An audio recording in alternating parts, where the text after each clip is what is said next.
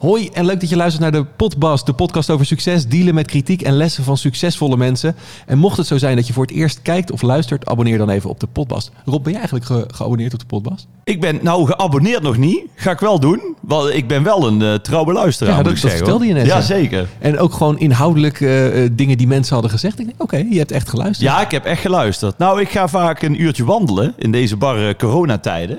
En dan vind ik het lekker om een podcast te luisteren. Ja. Want muziek hoor ik al heel de dag. Ik heb ook in de auto heb ik ook vaak of een podcast op staan of Radio 1. Ik vind het lekker dan een beetje een gesprek. Want muziek heb ik al ja, zoveel in het leven al ook om me heen en thuis vooral. Dus ik, eh, ik ga er wel goed op. Ik las in jouw boek dat ik je eigenlijk even moet vragen of je er zin in hebt vandaag. Ja, ja, dat is een soort van mythe die een beetje zijn eigen leven is gaan leiden. Maar ik ga inderdaad het beste.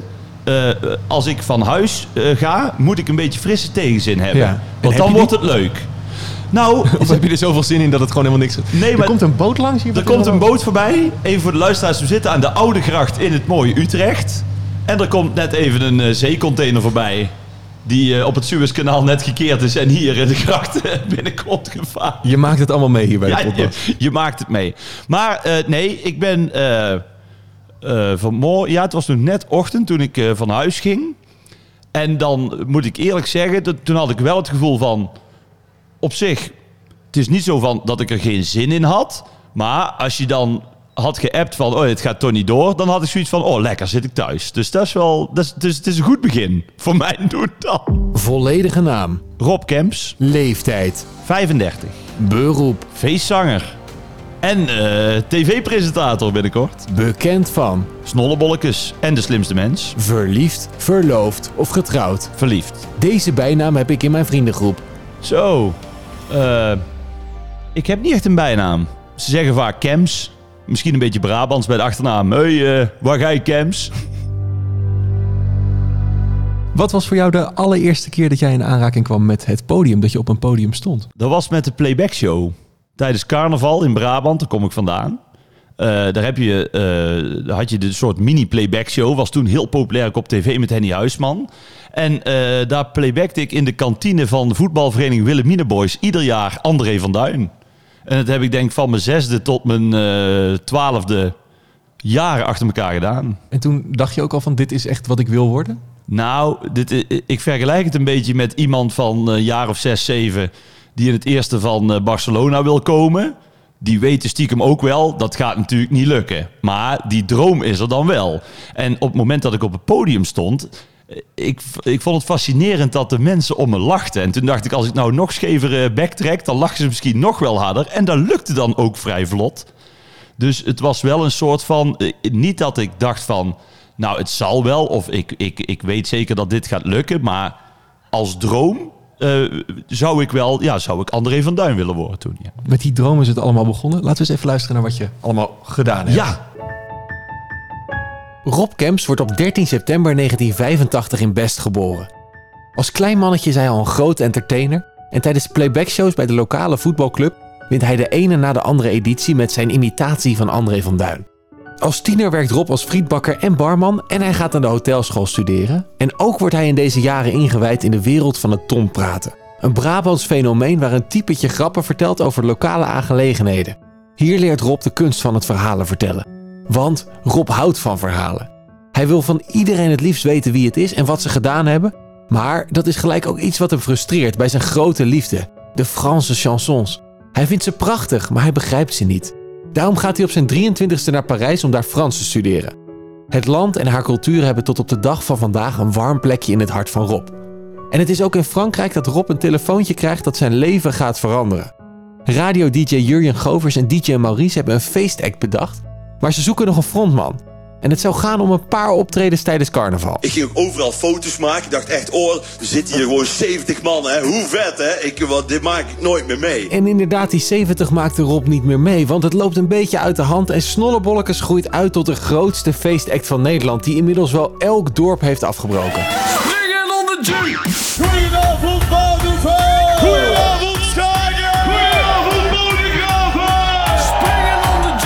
Snollebollekes wint verschillende grote prijzen en twee jaar geleden is er nog een nieuw hoogtepunt. Een eigen optreden in het Gelderdoom. Rob maakt zich zorgen of er wel genoeg kaartjes verkocht zullen worden, maar binnen een uur zijn ze alle 30.000 verkocht.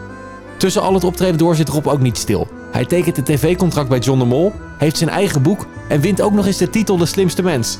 Nou, volgens mij hebben we alles wel gehad zo, toch? Of eh, is er nog meer? Dat was een wondertje.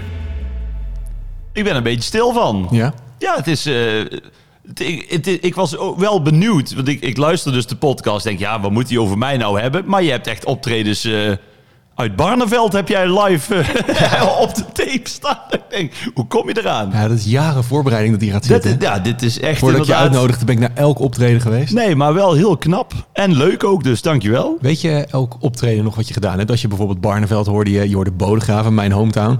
Ja. Eh, weet je elke stad nog waar je hebt gestaan? Of is het ook wel eens dat mensen naar je toe komen die zeggen... ik heb jou toen gezien, dat je denkt, ja, ja. Nou, heel eerlijk, eigenlijk is het altijd het laatste. Want eh, of ik moet een foto zien of een filmpje, dat ik denk, oh ja, dat weet ik nog. Maar dit is ook niet eh, uit arrogantie, maar af en toe in een weekend treed je acht keer op. En dan, dan weet je zeg maar no- nog maar half op zaterdag van waar was ik gisteren ook alweer. Dus, maar inderdaad, de mensen komen naar toe. Ja, ja, eh, in Barneveld. Ja, nee, dat was toen eh, op dat podium eh, met die slingers. En denk ik, Ah ja, ja, maar ik, ik, ik, ik, ik heb dan zo'n trucje. Dan zeg ik altijd ja en dan lach ik. Dus dan doe ik ja, ja, ja, ja, ja, ja, ja, oh, ja, ja, ja. En dan is het ook eigenlijk altijd wel goed. Dus eigenlijk zijn alle tracks van Snollebolletjes een beetje autobiografisch. Het feest waarvan ik morgen niks meer weet. Ja, juist, heel goed, ja. Wat wilde jij worden toen je een kleine Rob was? Nou, toen wilde ik wel echt André van Duin worden. Dat was wel echt mijn, mijn grote voorbeeld. Ik stond ook altijd voor de spiegel André van Duin aan te doen. Tegenwoordig heb je een mobiele telefoon. Ik word dan een beetje nou een oude zak. Want ja, die had ik niet toen ik zeven was. Ik stond voor de spiegel met, met, de, met een petje of met een oud pak van mijn vader. En eh, ja, wa- was ik sketches aan het spelen. Je had een videobanden, ook even voor de jonge luisteraars. Je had heel vroeger had je dvd's en daarvoor had je nog videobanden. Die stopte je dan in de videorecorder. Kon je filmpjes kijken, een soort eh, YouTube avant la lettre. En eh, daar stonden alle revues van André van Duin, die stonden dan op zo'n videoband. En die speelde ik dan na. Dus scènes dat, dat hij op school zat of in het leger zat of trouwambtenaar was. Nou, die kende ik dan binnen twee keer zien. Ken ik die uit mijn hoofd en dan ging ik die naspelen. En wat, wat merk je nu nog van André van Duin in wat je doet? Nou, kijk, met Snollebolks is het wel een hele andere kant op gegaan. Maar toch een beetje dat, dat leutige en misschien ook wel het pakje en het stropdasje. Het is, het is heel minimaal, maar het geeft toch voor mij wel swoon aan de act. Je krijgt gelijk een soort karakter. Ja, en dat vind ik van André van Duin ook altijd heel knap. Die was ook nooit helemaal uitgedost of dik in de make-up. Nee, die had altijd of een baretje of een hoedje. En dan een brilletje. En ja, soms ook nog wel eens een jas. Maar dat was het ook. En dan was hij meteen meneer Wijbeens. Of meteen Gerard van Bezij. En ja, Koos Grandioos of noem ze maar op. En eh, ja, dat vind ik wel heel knap. Heb je me ontmoet inmiddels? Ik heb hem nog nooit ontmoet. En ik, ik ben helemaal niet zo dat ik snel onder de indruk ben. Of dat ik zoiets heb van die of die wil ik echt nog graag ontmoeten. Want dat is niet om op te scheppen. Ik kom best wel veel bekende mensen tegen tegenwoordig. En ja, bij de ene ben ik dan wel. eh, ik heb het meer met wat oudere eh, types. Ik heb, ik heb Frits Lambrechts onlangs ontmoet. Ken je die toevallig? Nee. Nou, die, ik denk dat je hem wel kent, omdat hij was bijvoorbeeld eh Tijgertje van Winnie de Ja, Pooh. oh, hij was. Henk Mol bij Alfred Judook Squawk. Ja, en ja, denk voor jouw generatie Takel van Cars. Hij heeft heel veel ingesproken, maar ook echt een groot acteur. En een hele fijne zanger. Inmiddels is hij 84 en dan heb ik al zoiets echt van... wow, dit is Frits Lambrechts gewoon, snap je? En dan, dan, dan, dan hang ik aan zijn lippen. En... ehm, maar André van Duin, nou ja goed, hopelijk eh, gebeurt het nog ooit. En mijn allergrootste wens, niet dat je het vraagt, maar ik ga het toch vertellen. Mijn allergrootste wens is om nog ooit André van Duin, al is het maar één minuut, al is het maar tien seconden eh, in het Gelderdoom. En dan of het nou een stukje paard in de gang is of wat hij dan ook maar wil. Als dat ooit gebeurt, dan, ja, dan is mijn leven compleet. Wat voor student was jij? Wat voor scholier was je? Ik was een beetje, denk ik, een beetje een dromerige jongen. Waar mensen moeilijke hoogte van kregen. Omdat ik toen al een beetje in mijn eigen wereld zat. In die zin, eh, dan heb ik het inderdaad over eind jaren 90, waar de Backstreet Boys en de Spice Girls en Captain Jack, die stonden in de top 40. Ja, en ik luisterde naar de Beatles. En naar Lou Reed en naar de Kings. Want ik had de platenspeler gevonden op zolder en een paar platen van mijn vader. Dus ik ging daar helemaal... Mijn vader die keek toen naar Jiske Vet. En nou ja, dat vond ik fantastisch. Maar ik was 12, snap je? Dus dan kom je in de klas eh, waar iedereen het heeft over eh telekids. Ook fantastisch hoor. Maar over hele andere dingen die op dat moment speelden. En ik heb altijd al, maar dat had ik al op mijn, zeg maar vanaf mijn zevende of achtste. Dus ook op de middelbare school. Ik heb altijd een beetje in het, in het, ik ben altijd een beetje in het verleden, ja, eigenlijk van anderen blijven hangen. Nog niet eens mijn eigen verleden, maar echt ja, ook, ook met muziek en met film. Het komt eigenlijk allemaal uit de jaren 50, 60, 70. Maar wat is het wat jou daar zo aan trekt dan? Ik vind het, ja, het, het- ik kan het niet helemaal uitleggen, maar ik denk wel, als jij heel eerlijk bent en jij zet nu een liedje op van de Backstreet Boys en ik zet daarna een fijne plaat op van de Beatles, dat je ook wel zou kunnen toegeven van ah, de Beatles eigenlijk echt veel mooier. Maar dan heb je ook wel... Kijk, over smaak valt niet te Nee, maar twisten. je vergelijkt ook wel twee dingen dan met elkaar natuurlijk. hè? Nee, maar noem dan even, dan moeten we echt heel kritisch gaan kijken naar die tijd, zeg maar van 2000. Wat stond er toen in de top 40 een keer? Wat wel? Ja, ik kan het gewoon echt niet verzinnen. Nee. Ik kan het gewoon echt niet. En natuurlijk, er zal heus wel ooit dat je denkt van, oh ja, dat nummer of dat nummer. eh, Of bijvoorbeeld, of Nothing Else Matters van Metallica. Dat is ook wel echt een mooi nummer. snap- Maar, van de Beatles? Van, nee, maar van de jaren 50, 60 kan ik er zo 40 opnoemen. Ja. En, en ja, dat is gewoon een, dat is een bepaald gevoel. Ja. waarom vind je het ene eh, gerecht wel lekker en het andere vies? Ja, leg het maar eens uit. Ja. Het, is, het is gewoon een kwestie van smaak. En ik denk dat het ook mee te maken heeft dat ik heel erg heb geleerd van mijn ouders. Dat het niet erg is om anders te zijn. Sterker nog, je, het, het kan ook, je hoeft het ook niet expres te doen, maar er is sowieso niks mis mee. Ik weet nog dat ik een keer door de stad liep. Er was een, een jongen, die had een hanenkam. En eh, ik weet nog wel dat ik daar een beetje lacherig over deed. En toen zei mijn pa, die zei expres... Kijk erop, kijk, die, die gast, dat vind ik nou mooi. Dat vind ik nou een mooi kapsel. Dat vond hij natuurlijk niet, maar hij wilde mij als kind leren van... Kijk, dit is gewoon, hij vindt dat mooi. Dus hij kan zich dan laten leiden door twintig mensen. Toen had je ook nog trouwens geen Twitter en geen Insta waar, iedereen het afvikte. Maar had je wel ook scholieren op het plein die zeiden... Ja, waar zie jij er toch belachelijk uit? En hij wilde mij toen leren van, kijk... Het is, als jij dit mooi vindt, dan moet jij dat doen. Dus ik durfde ook in de klas te zeggen... ik hou van Jiske Vet, ik hou van de Beatles, snap je? Dus heel weinig kinderen die... Dus misschien eh, waren er wel meer kinderen die het ook wel vonden... maar die durfden het dan niet te zeggen. Maar heb je dan zeg maar, vanaf dat moment ook in je, in je carrière toegepast? Zeg maar, van het is oké om mezelf te zijn, om anders te zijn? Nee, maar dat, heb ik zo, dat doe ik ook niet expres. Maar ook met eigenlijk denk alles wat ik gedaan heb. Of ik nou frietbakker was of met snollebolletjes. Ik ben altijd mezelf. Ja. En, dat, en dat vond ik het leuke met De Slimste Mens. Toen kreeg ik in één keer complimenten omdat ik was zoals ik was. Ja. En toen dacht ik, nou, daar streelt mijn ego ook wel een beetje. Want daar doe ik dus echt geen moeite voor. Nee. Snap je? Dan denk ik van ja, als jullie dat leuk vinden, nou, dan heb ik geluk. Want zo ben ik namelijk. ja, hoef ik, hoef ik niet te spelen. Hoe is dat dat je dan uiteindelijk daar de waardering inderdaad kreeg? Want je zegt dat is prettig, maar ik Ja. hoorde ook veel mensen in mijn omgeving zeggen... oh, die gast is eigenlijk veel leuker en slimmer dan dat ik dacht. Ja, nou, daar vonden heel veel mensen ook wel een soort van irritant. Ik heb daar zelf nooit last van, want ik vind het juist leuk om mensen te verrassen. Ehm, je zou kunnen zeggen, het is enigszins... eh, nogmaals, ik vind dat niet hoor. Maar er is iets voor te zeggen dat het kortzichtig is. Want als jij toch al voor je 35ste zes keer het Gelderdoom uitverkoopt, weliswaar met een team, ja, dan ben je natuurlijk niet achterlijk. Alleen kijk, Snollebolks is natuurlijk een feestact. En Nederlandstalig en een beetje volks. En wat kleeft daar? Da- Daar kleeft toch wel een bepaalde, ja, simpelheid aan, snap je? Ook aan de liedjes en aan de teksten. En natuurlijk, het, het gaat niet zo diep als... eh, eh, eh, De Beatles. De, nou, de Beatles of Leonard Cohen of Bob Dylan, om maar eens een naam te noemen. Maar toch is het niet zo makkelijk allemaal dan dat het lijkt. Nee. Ik hoor heel een kindje Ja, huilen. Hoor jij die zeggen, ook? ja, Ja, ja. Ik weet niet of de, of de eh, mensen er last van hebben. Nee, maar even voor ons, ik ben alleen. Ik heb mijn zoontje niet mee. Die, zit- die zit op, de, op schooltje vandaag. Ik, ik heb geen kinderen als het goed is, dus... eh, Voor zover je weet voor niet. zover ik Nee. weet niet, nee. Ehm, maar dat, dat was precies het idee dat wij hier toen eh, zouden zeggen... we gaan langs de gracht zitten, dat is leuk. Alleen je hoort ook de auto's langskomen Ja. en de... Nee, goed. Nee, maar voordat mensen denken dat hier onder tafel een kind ligt. Onder tafel zelfs. Ja, of eh, weet ik veel. Of in de hoek of ergens. Te, te... Ik ga dadelijk keihard ingrijpen. hey! Ja.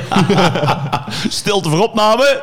Toen jij 19 was, begon jij dus met, met, met het Tom praten. Het, Ja. het Brabantse fenomeen. Waar ik als jongen uit Bodegraven nog nooit van had gehoord. Nee, Ehm, maar dat heeft voor jou eh, de storytelling eh, geleerd, zeg maar. Dus hoe vertel je een verhaal? Ja. Hoe, hoe, hoe gaat dat? Ja, ik vond het natuurlijk leuk om met, met playbacken kon ik gekke bek trekken. Kon ik André van Duin nadoen. Kon ik mensen nadoen.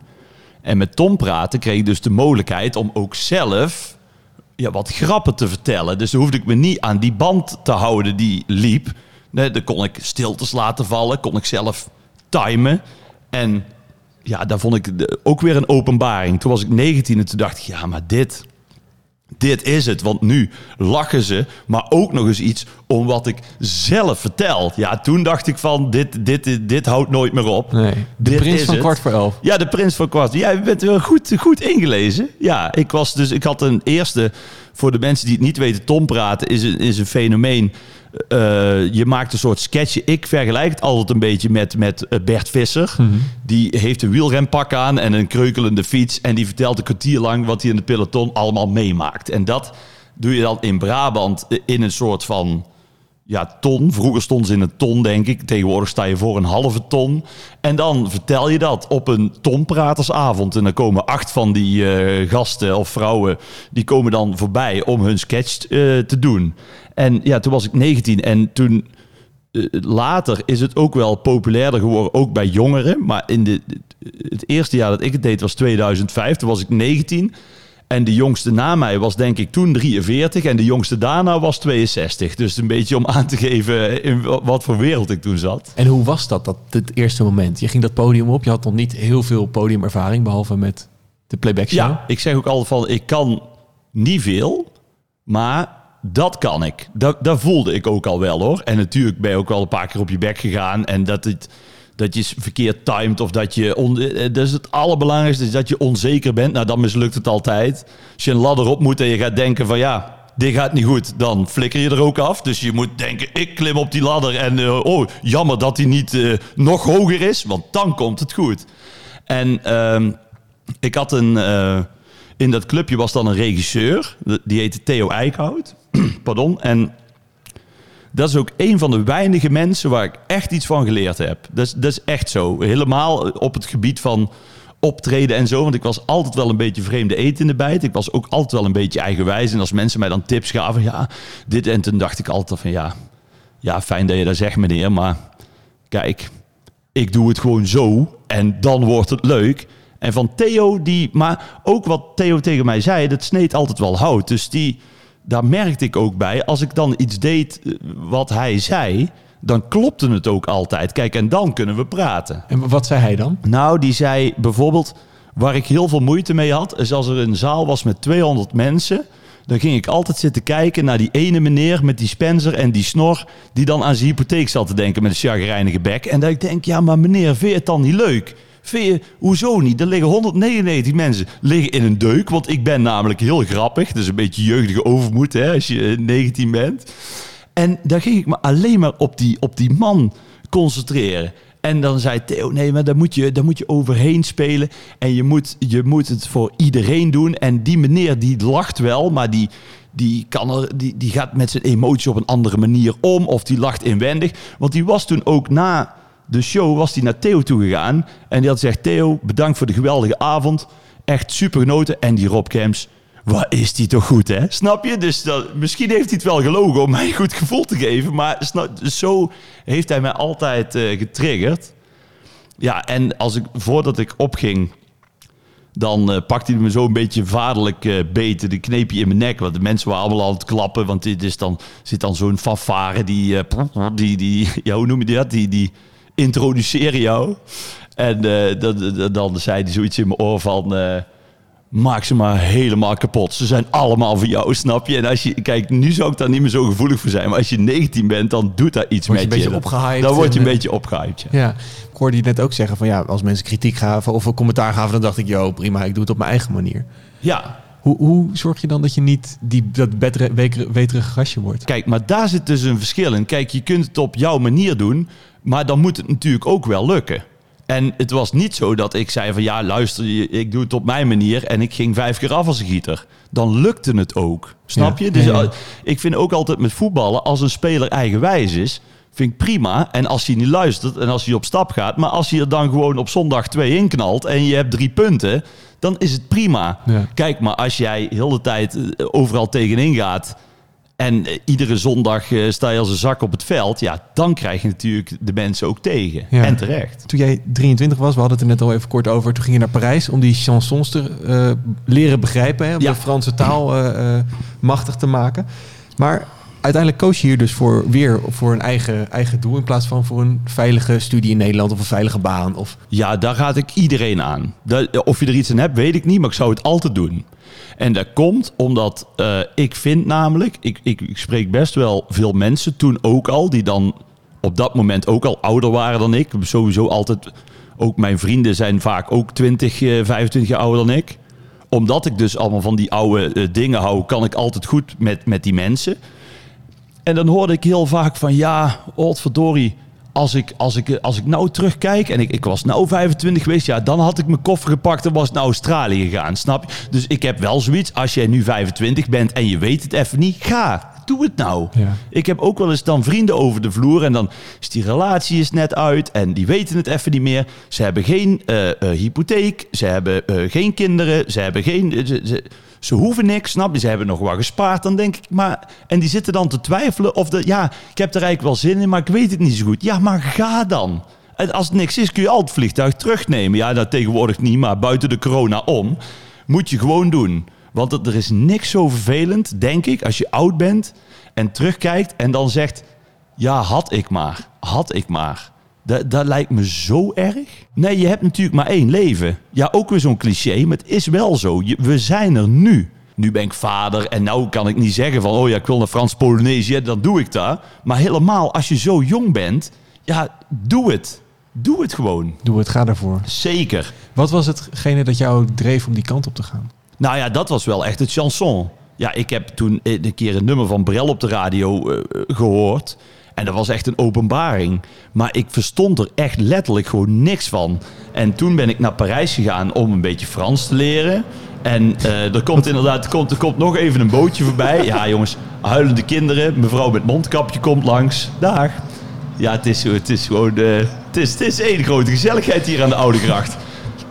Zullen we gewoon wachten tot de 28e en de terrassen weer open zijn? Dan kunnen we hier daar ook even pint eh, erbij nemen. Die boot die gaat hier ook echt liggen keren. Rustig even achteruit. Ah, die gaat lekker even. Maar maakt niet uit, want kijk...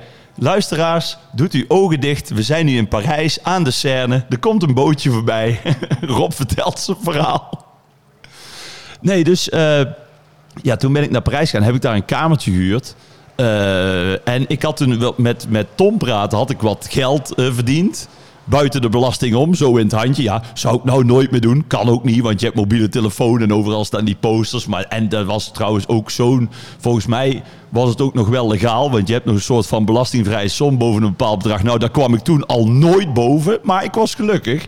Dus ik ging toen echt letterlijk met een schoenendoosje, ik denk met 2000 euro, ben ik naar Parijs gegaan. Om de Franse les te gaan volgen. Om, ja, ik wilde een beetje Frans leren praten, maar sowieso, ik vind het dan lekker om eh, naar een park te gaan of gewoon na- op een brug te gaan staan en dan gewoon eens een uur te gaan staan. Snap je? Neem daar nou eens de tijd voor. Alleen, eh, iedereen is altijd heel gehaast en misschien een beetje ongeïnteresseerd, vind ik dan. En als jij in een stad als Parijs bent, je kunt gewoon iedere deurklink, iedere prullenbak, iedere metrolijn heeft een verhaal. Maar ja, ga er ook, doe er een beetje je best voor. Snap je? Om het te vinden, het verhaal. Om het te vinden. Ja, je kunt ook thuis blijven zitten en dan weer eh, sms-koetje aan. En dat je dan zo'n koek krijgt die dan zo over je scherm likt. Ja, dat is ook vijf minuten leuk. Maar de, de, ja, ik kan daar geen dagen mee vullen. Nee, het moet echt zijn. Nee, het moet echt zijn. Ja, dat is, dat vind ik een hele mooie. Dat vond ik opvallend, ook tijdens de, de research. Ik, ik zat heel veel video's even te kijken van, hè, van, van optredens. Elke keer op de een of andere manier kreeg ik kippenvel op het moment dat die hele zaal met je meeging. Ja, Heb jij dat ook?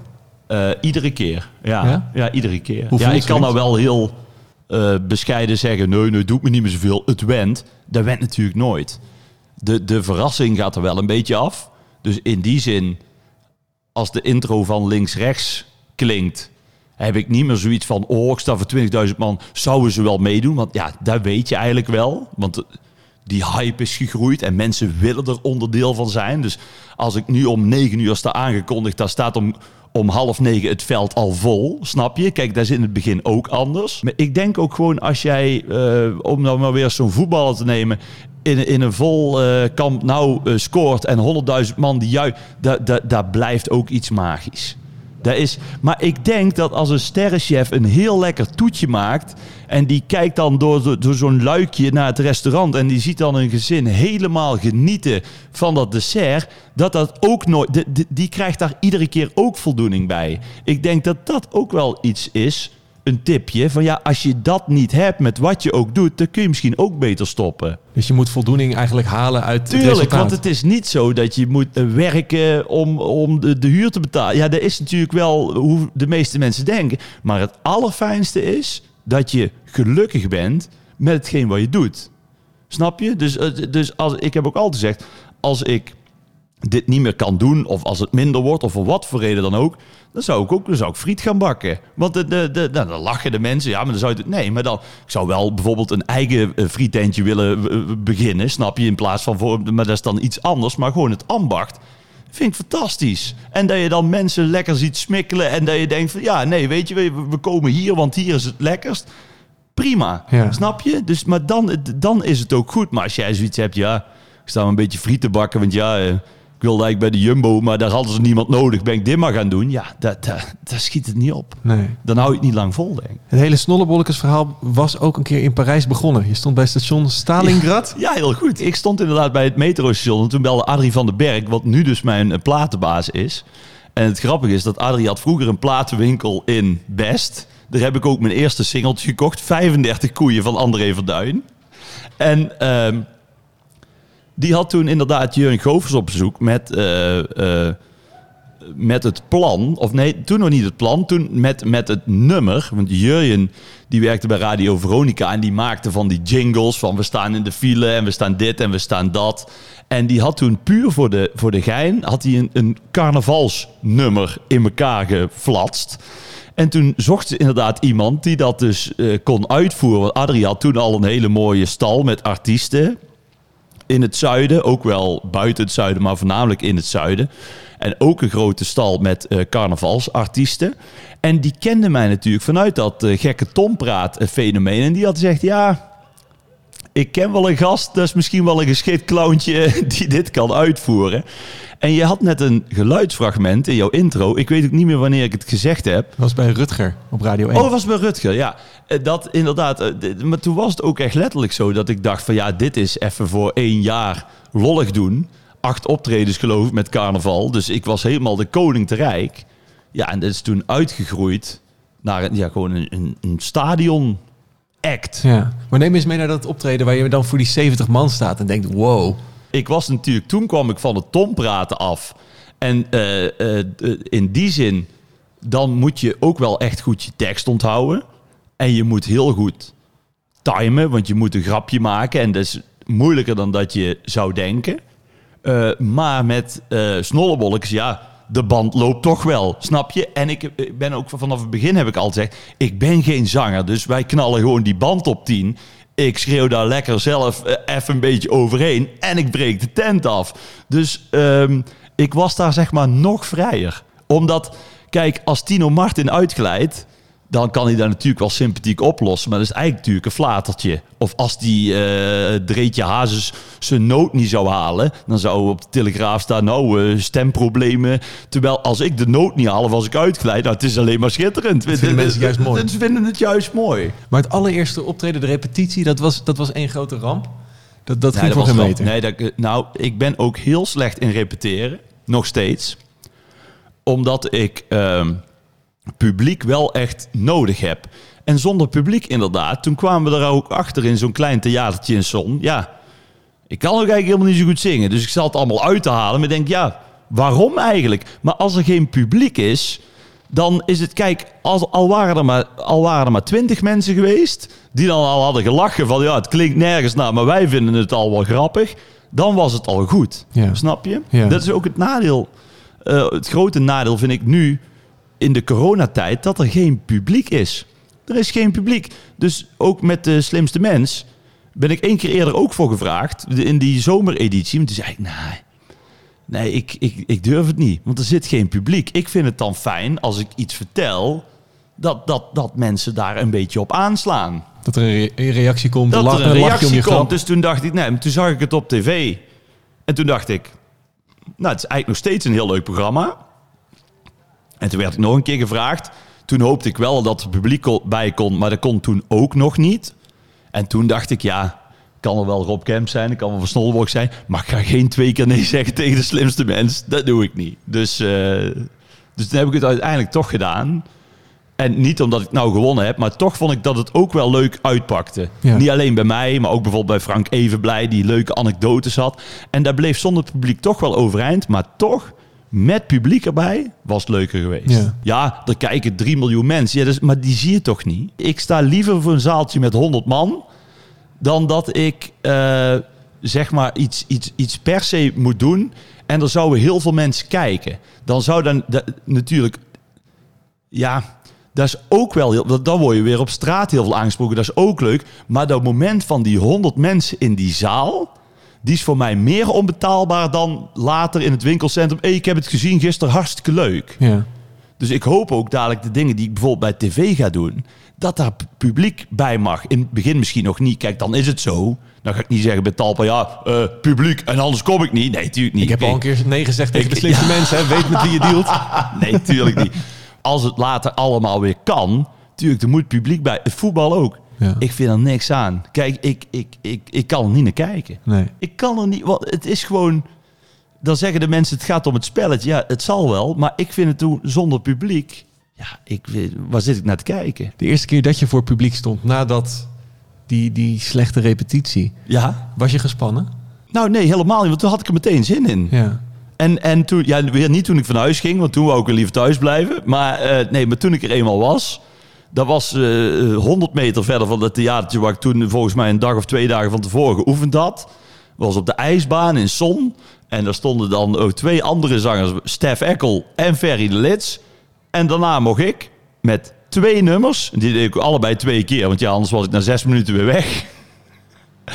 En de mensen, jongen, die, die hadden echt... joh, Die, die begonnen ook meteen te filmen. Die hadden echt zoiets van... Wat is dit nou toch voor rare snuiter, weet je niet? En toen had ik meteen al... Ja, het klinkt echt... Het is niet arrogant, maar ik had meteen het gevoel van... Ja, dit, dit, dit kan in ieder geval echt heel leuk gaan worden. ja. En Snollebollek is dat natuurlijk het rode jasje, het zwarte blouseje, het gele stropdasje. Ja. In je boek schreef je ook dat een eigen stijl daarin heel belangrijk is. Nou, dat denk ik wel. Omdat in het begin kent natuurlijk niemand jou.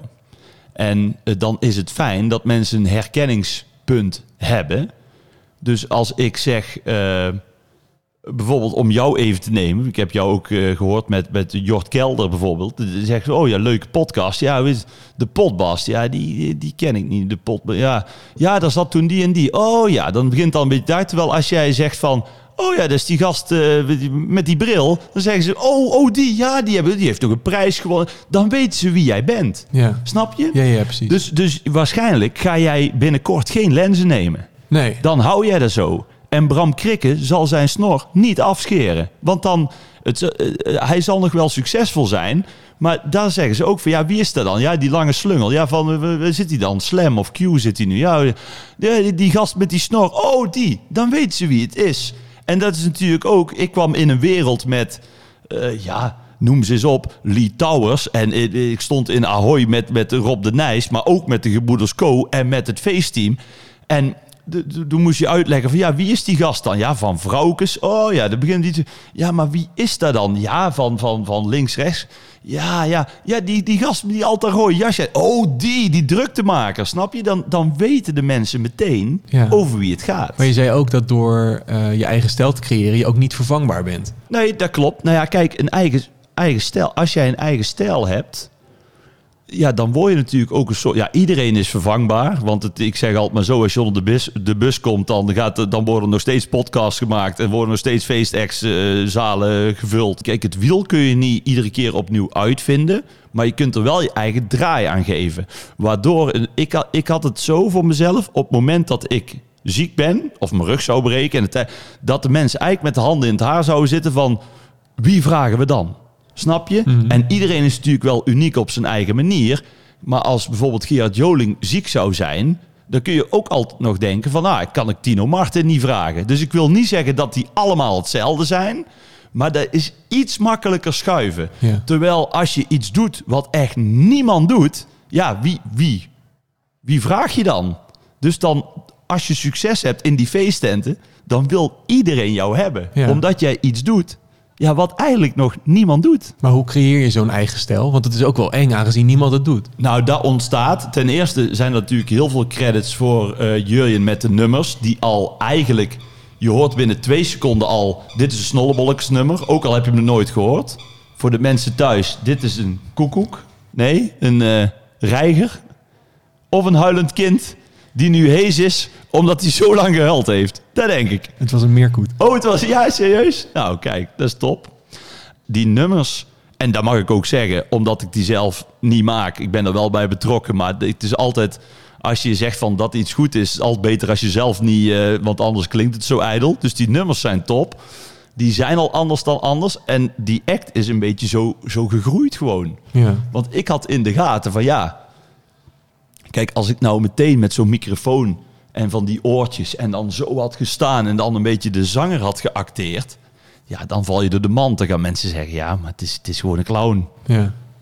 Is dit nou leuk? Maar omdat je niks pretendeert, dat je eigenlijk alleen maar juist zegt, ja, maar dan toch wel, je maakt jezelf toch een soort van wereldster. Van ik ben de ster en ik, snap je, ik, maar je houdt het ook sympathiek. Ja, terwijl je ook wel met je kop boven het maaiveld uitsteekt... doordat je zo anders bent, doordat je die eenling bent. Ja, maar dat is, in het begin moeten mensen daar heel erg aan wennen. Daar merkte ik ook, zeg maar, in de muziekwereld heb je natuurlijk ook nog een beetje de oude garde. Die is heel erg gehecht aan de top 40 en aan prijzen en aan het aantal optredens per jaar. Die hebben zoiets, ja, ik sta hier al 30 jaar mijn best te doen. En die gast, die, die kan eigenlijk helemaal niks. En die staat binnen, binnen zes weken staat hij al in Ahoy met Koningsnacht. Maar die snapte toen nog niet dat het een soort van eh, act was. Wat Ruben van der Meer ook had met Gabbertje vroeger. Die dachten ook allemaal dat hij echt Gabber was. Terwijl hij speelde gewoon, deed hij ook heel goed, dat hij Gabbertje was. En dat, dat doe ik natuurlijk ook. Ik speel dat ik, een, dat, ik, dat ik iemand ben die eigenlijk heel weinig kan, maar mezelf wel helemaal fantastisch vindt. En hoe is het dan als daar kritiek op komt? Oh, ik, kritiek heb ik nooit moeite mee. Nee, want de meeste mensen vinden het leuk. En een eh, ander deel van de mensen vinden het verschrikkelijk. Er zit ook nooit iets tussen. Je zult nooit iemand horen zeggen... snollebolletjes, eh, ja, het is niet mijn kopje thee, maar ik gun het de als anderen. het Snap- aanstaat, prima. Nee, dat maar dat doen ze niet bij Frans Bauer of bij Joling of bij tv of over de pot. De, de, de nuance is helemaal weg.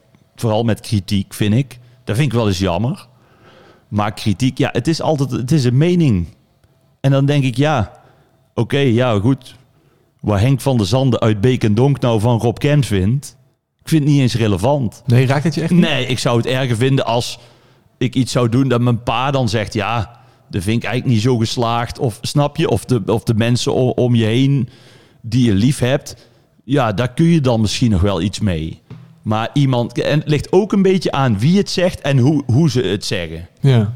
Ik kijk ook altijd een beetje naar de spelfouten op Twitter en zo. Dan weet je al een beetje wat voor vlees je in de kuip hebt. Maar lees je het allemaal? Nee, nee, helemaal niet. Nee, want ik denk dan altijd van waarom. Kijk, mensen moeten de telefoon eh, pakken. Die moeten dan iets bedenken. Die gaan dan typen. En die gaan het dan ook nog eh, eh, posten. En dan denk ik, al die moeite. Ja, dat, dat is ook wel een teken dat je zelf niet heel veel te doen hebt. Ik heb er geen tijd voor. Ik heb het al druk met mezelf. Laat staan dat ik me druk moet maken op iemand anders. Ja, ik, ik kan er niet zoveel mee. Terwijl kritiek uit de zaal, één iemand die niet meegaat, dat kan voor jou een hele avond verpesten. Ja, ja zeker. Maar, die, maar dat is meer. Maar die, die gaat dan niet roepen: hey, oh, hey, hey, hey, lul of zo, snap je? Dus dat, daar maak ik nooit mee. En dat is toch wel een beetje wat vooral social media. Het is al een beetje roepen. Roepen, roepen, roepen. En het is ook wel de ervaring, weet ik dan van anderen, als je dan een keer reageert. Dat het dan eigenlijk ook wel meevalt. Zeggen, oh nee, nee, nee, nee, nee, dat was eigenlijk helemaal niet. Maar ja, weet je, dit, dit- Eigenlijk vind je wel leuk. ja, ja, ja. Ik draai je plaat elke avond. Gek, hè? Ja. Maar hoe kun je daar als jonge carrièremaker het best mee omgaan met kritiek dat je krijgt op werk bijvoorbeeld? ja, is ook wel persoonlijk. Maar ik zou me met name eh, van de mensen om je heen iets aantrekken. Of in ieder geval die jij hoog hebt zitten, wat ik vroeger met Theo dus had. En ja, kijk, inderdaad, ja, waar Ingrid van der Ven uit eh, Alkmaar vindt, ja. Ik vind het niet belangrijk. Begeleid je jong talent? Eh, nou, niet expliciet, maar kijk, als iemand jong is en die zou tips willen of een keer mee willen naar een optreden of zo, dan zou ik daar altijd wel voor openstaan. Maar ik, ja, weet je wat, ik vind het ook lastig, omdat ik ben, dan denk ik van ja, wat, wat moet ik begeleiden? Wat moet ik, want ik vind namelijk zelf dat ik zomaar wat doe. Dus dan is het ook, dat is niet echt motiverend naar jong talent. Dat ik dan zeg, weet je, wie doet, eh wie doet Harry? Ga met eh, doe maar wat. Maar kijk, voor mij heeft dat gewoon goed gewerkt. Ik denk dat het wel een mooie les is. Doe het zoals jij het wil. Nee, dat is het. Zoek goede mensen ook om je heen. Dat is ook heel belangrijk.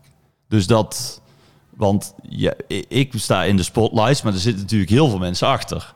Alleen die act is natuurlijk wel een soort van gegroeid van eh, op een kratje voor 70 man naar een vol stadion. Ja. En de, de mensen daaromheen moeten daar ook aan kunnen. En er moeten ook nieuwe mensen bij komen. Dat ik denk, wow, zo had ik daar nog helemaal niet... Zo, zo heb ik daar nog niet eens over nagedacht. Snap je? Waar En- doe je dan op bijvoorbeeld? nou, meer om, om de dingen eromheen. Ik vond het vroeger altijd vervelend om bijvoorbeeld nee te zeggen. Want dan vroegen ze me voor een of andere school te openen. Of de, dan ging ik altijd helemaal uitleggen van ja, nee, ja. Ja, ik zou het wel willen, maar ja, het is moeilijk, want ik werk in een team. En, de- en dan heb je gewoon iemand die zegt nee, doet hij niet. Snap je? En dan blijf jij sympathiek, want dan hoef jij...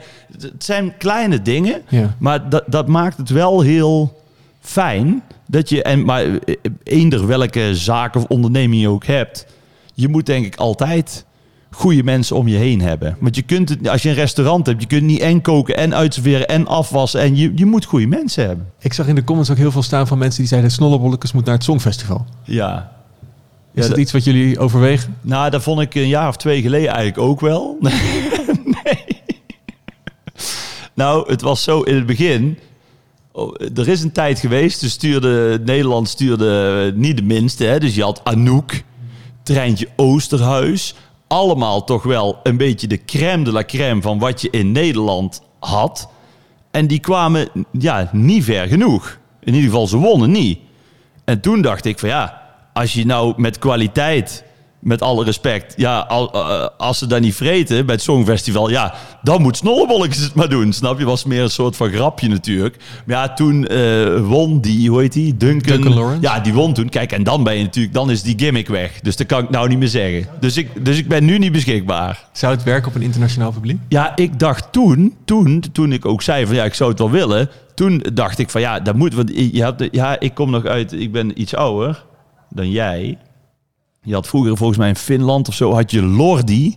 En je hebt ook nog in Wit-Rusland hebben nog een keer twintig bejaarde oma's gestuurd. Nee, die kwamen allemaal heel ver. Laatst, of de, het jaar daarvoor, voor Duncan, had je nog die, die, die vrouw met, met, met die kip op haar hoofd.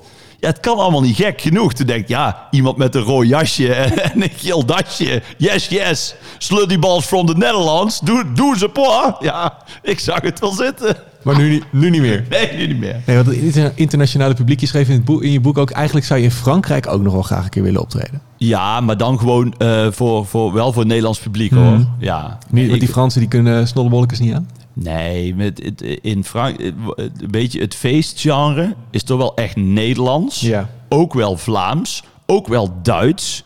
Duitsers zijn ook wel van inhaken en van hossen Ja. en la la la.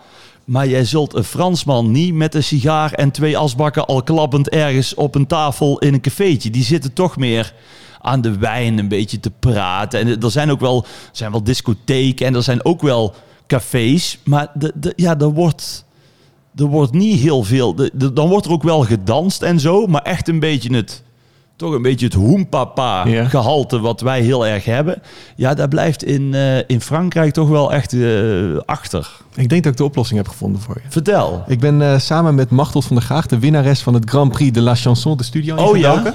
Ja, serieus? En, of in ieder geval, zij is de studio ingedoken. Ik doe alsof ik erbij was. Eh, dan mag je deze op spelen zetten.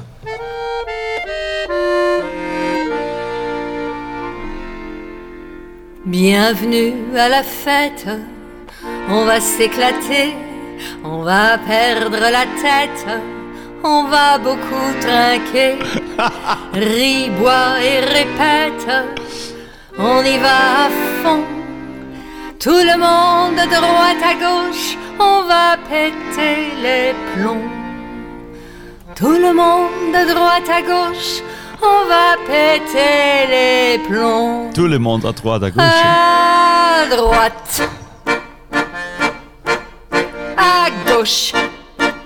Dit is wel echt. Is dit speciaal echt gemaakt? Ja, serieus? À gauche. Ja, ik vind het echt. Les verres se remplissent, l'alcool est notre loi. Il y en a qui pissent un peu trop près de moi. Il est temps qu'on se saoule jusqu'à en crever. Tout le monde de droite à gauche, il y a des plombs à péter. Tout le monde de droite à gauche, il y a des plombs à péter. À droite. À gauche. Ah, wel een hit hoor. À droite. À gauche. Ja, fantastisch. Applaus. Echt. Ik vind het echt heel, Ja? ja? echt heel leuk. Want voor de mensen die minder Mag ik een goed... filmpje hebben ook? Ja, tuurlijk. Oh, ik, ga, ik ga het je allemaal toesturen. Ehm, voor de mensen die wat minder goed Frans spreken, eh, wat had dit met jou te maken? Oh, sorry. Ik was zo geïmponeerd door het filmpje dat ik eh, eigenlijk een beetje de tekst gemist heb. Oh. Dan zou ik het nog een keer moeten terugluisteren. Dit was links-rechts. Ja, nee, dit was links. Oh nee, dit was links. Nee, oh nee, ik denk er zit echt een soort van geheime boodschap van Rob doet dit of dat. Nee, dit, Als je hem achter tevoren nee, afspeelt. Ja, zit de duivelsvers in.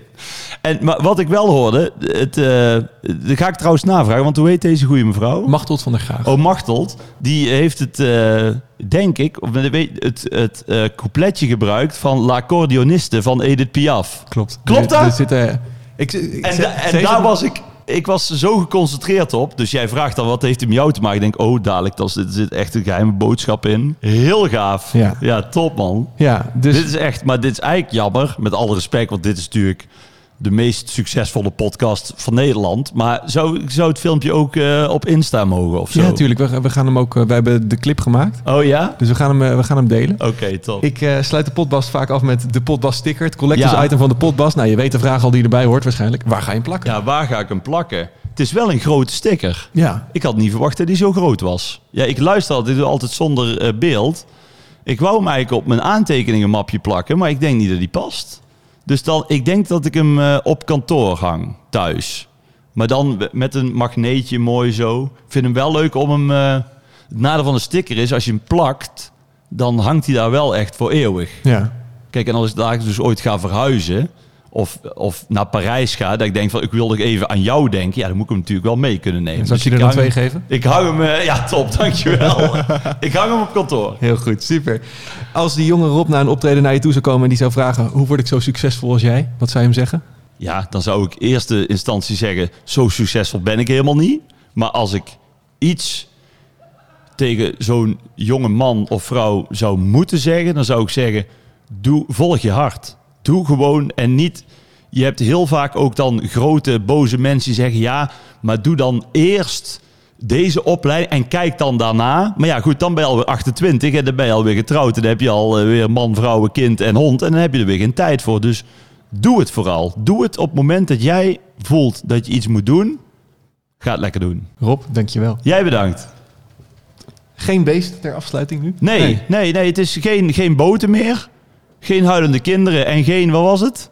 Pot, Meerkoet. Meerkoet? Is dat nou echt of hou je me nou voor de Nee, gek? ik zag twee meerkoeten. Ja, of misschien kennen jullie meerkoeten niet. Nee, kijk, ja, nee. dat zijn van die zwarte beestjes met die witte kopjes. In Bodegraven noemen we dat een meerkoet. Oh, nou ja, de meerkoet. Nou, je hebt het gehaald. De aflevering van De Potbast met mij als gast. De nachtegaal van het zuiden, Rob Kems. Nog helemaal geroerd door het nieuwe Franse chanson. Wat toch wel een beetje speciaal voor mij geschreven is. Nou, daar ben ik natuurlijk eh, super trots op. Abonneer je gelijk even op eh, De Potbast via je favoriete streamingsdienst. En dan vind je ook andere gesprekken met bijvoorbeeld Maarten van Rossum, hè, mijn oude slimste mens, eh, meester, Hans Klok, Carrie en vele anderen. Als je nou zo'n potbas sticker wilt, hoef je alleen maar dit gesprek even te delen op Instagram story, de radio meneer en robcams13. Die kun je dan natuurlijk even taggen.